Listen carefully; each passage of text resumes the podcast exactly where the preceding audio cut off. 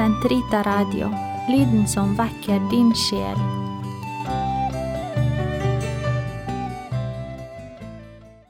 Den katolske kirkes katekisme, uke 22, onsdag, paragraf 1384 til 1390. Ta og et alle derav, kommunionen.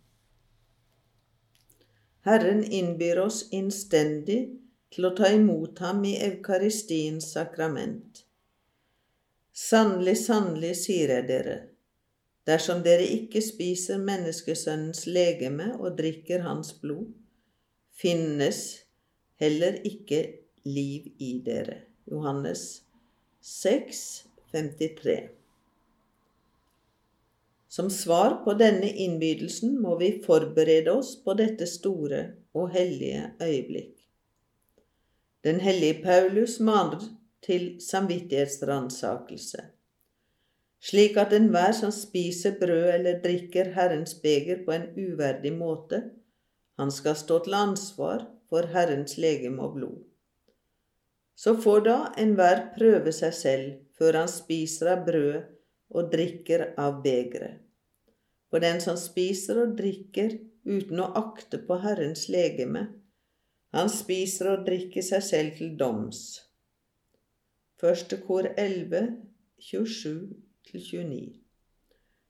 Den som er seg bevisst å ha en alvorlig synd på samvittigheten, må motta forsoningens sakrament før han kan ha adgang til kommunionen.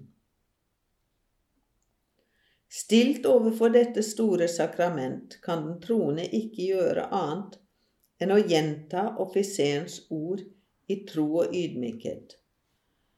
Domine non sum dignus ut intres sub tectum meum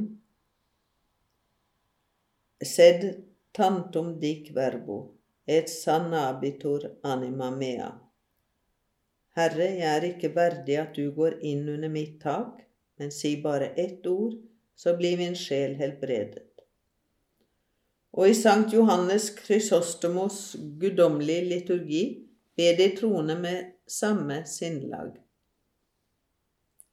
I din hemmelighetsfulle nattverd, gi meg del i deg, å Guds sønn, for jeg vil ikke røpe hemmeligheten for dine fiender Heller ikke vil jeg gi deg Judas kysse, men lik den gode røver roper jeg til deg, Herre, kom meg i hu i ditt rike.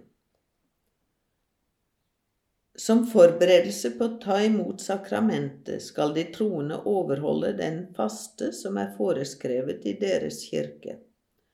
Kroppsholdningen, bevegelser, påkledning skal uttrykke ærefrykt, høytid og glede over dette øyeblikket da Kristus er vår gjest.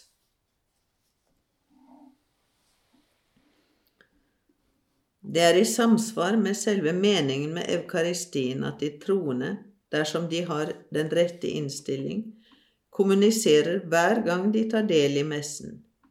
Det anbefales meget sterkt å ta mer fullkomment del i messen ved at de troende etter at presten har kommunisert, mottar Herrens legeme av det samme offer. Kirken gjør det til en plikt for de troende å ta del i den guddommelige liturgi på sønn- og festdager, og motta Eukaristien i det minste én gang i året, om mulig i påsketiden, etter å ha forberedt seg ved å ta imot forsoningens sakrament men Kirken oppfordrer sterkt de troende til å motta den hellige eukaristi på søndager og festdager, og gjerne enda oftere, ja, hver dag. Siden Kristus er sakramentalt til stede under begge skikkelser, gir kommunion bare under brødskikkelse fullt ut del i eukaristiens nåde.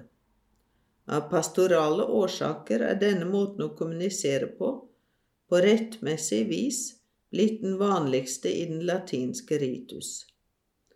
Den hellige kommunion utfyller bedre sin rolle som tegn når den finner sted under begge skikkelser, for på den måten blir det tegn blir det tegn det eukaristiske måltid er, tydeliggjort.